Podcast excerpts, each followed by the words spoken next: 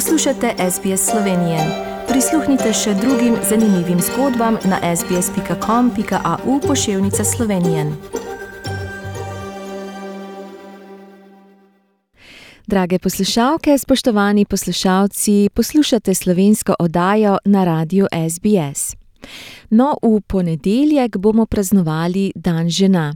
Dan žena, originalno Dan delovnih žena, je mednarodni praznik žensk, ki ga približno v sto državah praznujemo vsako leto 8. marca. Je dan praznovanja ekonomske, politične in socialne enakopravnosti in dosežkov žensk, praznujejo pa ga predvsem v bivših komunističnih in socialističnih državah. V začetku so ga praznovali devetnajstega marca, kar je predlagala nemška feministka in socialistka Klara Zetkin, rojena Eisner. Za enakopravnost žensk se je začela bojevati leta tisoč osemsto devetinosemdeset, medtem ko je pobudo za dan, posvečen vsem ženskam, dala na drugi mednarodni konferenci socialističnih žensk leta tisoč devetsto deset. Prvič so ga praznovali leta tisoč devetsto enajst v Avstriji, Nemčiji, Švici in na Danskem, takrat še na devetnajsti marec. Tudi v Sloveniji so ga praznovali, zanimivo, v Trbovljah. V državah sovjetskega bloka se je dan delovnih žena v komunizmu praznoval osmega marca in je vedno imel velik pomen. V zadnjih desetletjih se tudi v drugih državah uveljavlja praznovanje na osmega in ne več devetnajstega marca. Mednarodni dan žensk se osmega marca praznuje od leta tisoč devetsto sedemnajst, saj so se na ta dan začeli protesti v Petrogradu, danes Sankt Peterburg, iz katerih je nastala komunistična oktobrska revolucija. Tudi v Sloveniji so potekali boji za enakopravnost žensk, tako je že leta tisoč osemsto sedemindevetdeset začel izhajati ženski časnik Slovenka, medtem ko je bilo prvo žensko društvo ustanovljeno leto kasneje.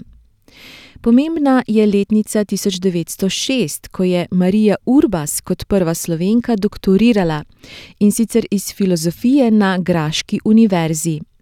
Prva politična zagovornica žensk v Sloveniji je bila Slovenska ljudska stranka, ki je že petnajstega maja leta tisoč devetsto dvajset uvedla splošno volilno pravico na občinskih volitvah.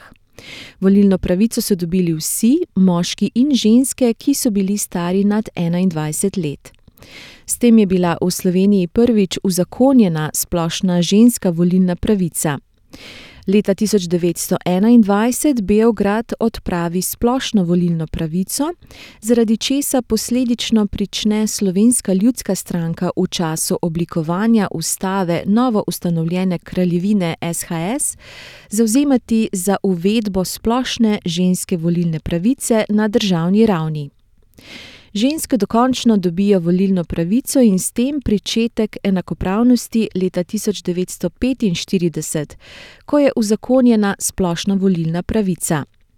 Leta tisoč devetsto štiriinsedemdeset je bilo zapisano v ustavo SFRJ, da ima vsaka ženska svobodno odločanje o rojstvu otrok, tri leta kasneje pa je bila uzakonjena še pravica vsake ženske do umetne prekinitve nosečnosti iz drugih, ne le zaradi zdravstvenih razlogov. Leta tisoč devetsto devetinosemdeset je začel delovati prvi telefon v sili za pomoč ženskam in otrokom, ki so postali žrtev nasilja. Kakorkoli že, upam, da boste vse ženske v Avstraliji in v domovini in seveda vsepovsod po svetu preživele lep dan žena v ponedeljek.